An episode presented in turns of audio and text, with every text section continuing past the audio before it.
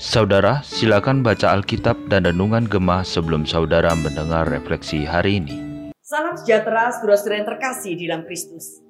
Setelah kita menikmati masa liburan yang cukup panjang, biarlah kita tetap semangat di dalam pembacaan kitab suci dan terus setia mengikuti perenungan refleksi Gemah setiap harinya. Hari ini perenungan refleksi Gemah melanjutkan pembacaan dari kitab Keluaran pasalnya yang ke-31 dengan sebuah tema Allah memanggil, Allah memperlengkapi. Sebelum kita membaca dan merenungkan firman Tuhan, terlebih dulu kita berdoa. Kami bersyukur atas segala kebajikan dan kemurahan-Mu ya Tuhan. Atas segala kebenaran firman yang Tuhan berikan di dalam kehidupan kami.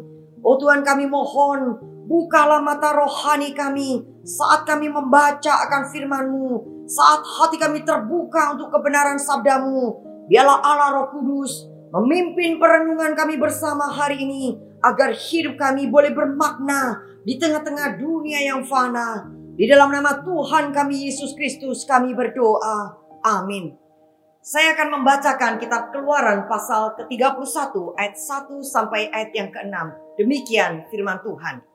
Berfirmanlah Tuhan kepada Musa, "Lihat, telah kutunjuk Bisalel bin Uri bin Hur dari suku Yehuda dan telah kupenuhi dia dengan roh Allah, dengan keahlian dan pengertian dan pengetahuan dalam segala macam pekerjaan untuk membuat berbagai rancangan supaya dikerjakan dari emas, perak, dan tembaga, untuk mengasah batu permata supaya ditata, untuk mengukir kayu, dan untuk bekerja dalam segala macam pekerjaan.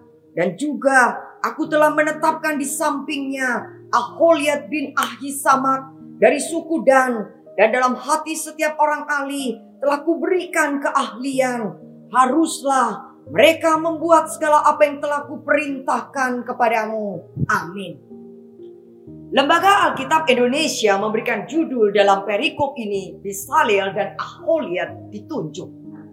Setelah bacaan Alkitab ini menceritakan tentang kisah panggilan Tuhan kepada Bisalel dan Aholiat untuk mendirikan akan kemah suci.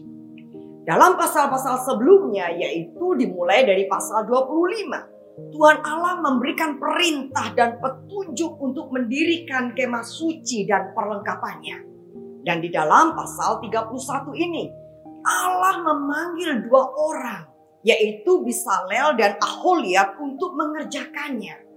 Menariknya bagian ini juga mencatat bagaimana Tuhan Allah memperlengkapi kedua orang yang telah dipilihnya ini dengan karunia-karunia yang mereka perlukan untuk melakukan tugas yang suci ini.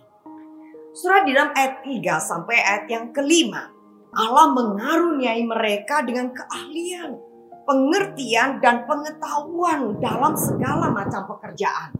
Untuk membuat berbagai rancangan untuk mendesain, membentuk, untuk memahat ukir-ukiran baik dari emas, perak, dan tembaga. Untuk mengasah batu permata supaya ditata. Untuk mengukir kayu. Dan untuk bekerja dalam segala macam pekerjaan. Setelah dalam membangun kemah suci, tentu saja ada banyak pekerjaan yang harus dilakukan. Termasuk menggergaji, membangun, mengerjakan logam, memahat batu dan mengukir. Oleh sebab itu Tuhan menunjukkan bahwa pekerjaan ini memerlukan keterampilan dan keahlian. Dan hal ini tidak bisa dikerjakan sendiri oleh Musa. Walaupun kita tahu bahwa Musa begitu banyak mendapatkan pendidikan, keterampilan, dan pelatihan-pelatihan terbaik di Mesir di negara adidaya pada zaman itu. Namun Musa hanyalah seorang manusia biasa yang punya banyak kelemahan, saudara. Ada banyak yang tidak bisa ia kerjakan dengan kekuatannya sendiri.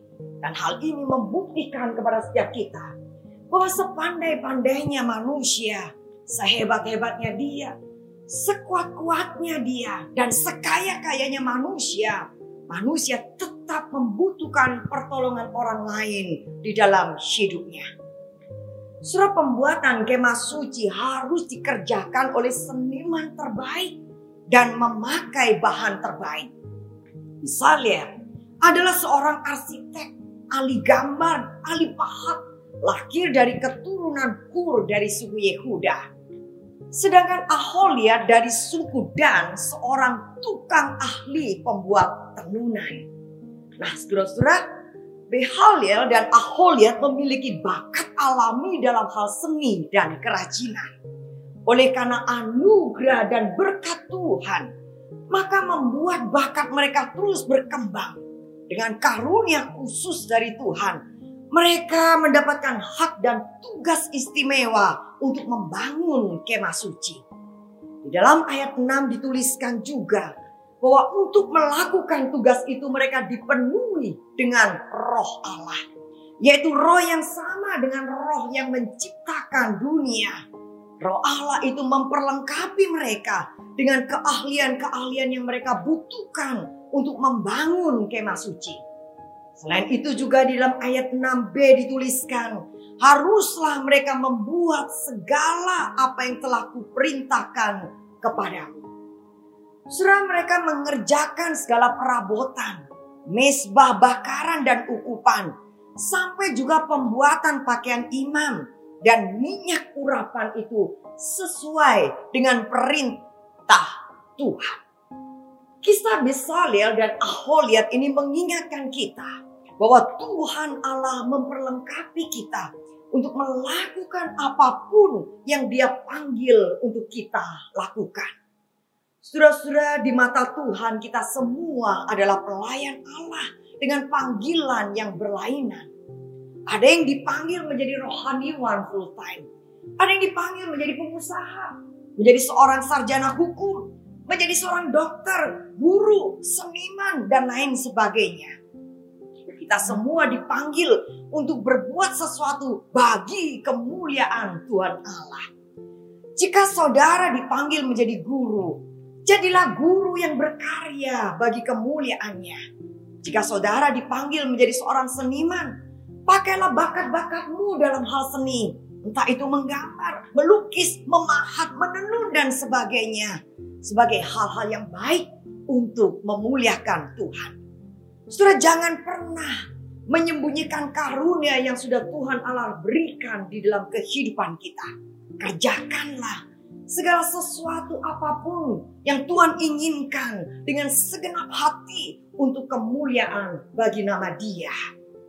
Saudara-saudara, biarlah melalui perenungan refleksi Gema pada hari ini mengajak setiap kita untuk selalu bersyukur atas panggilan Tuhan dalam hidup kita.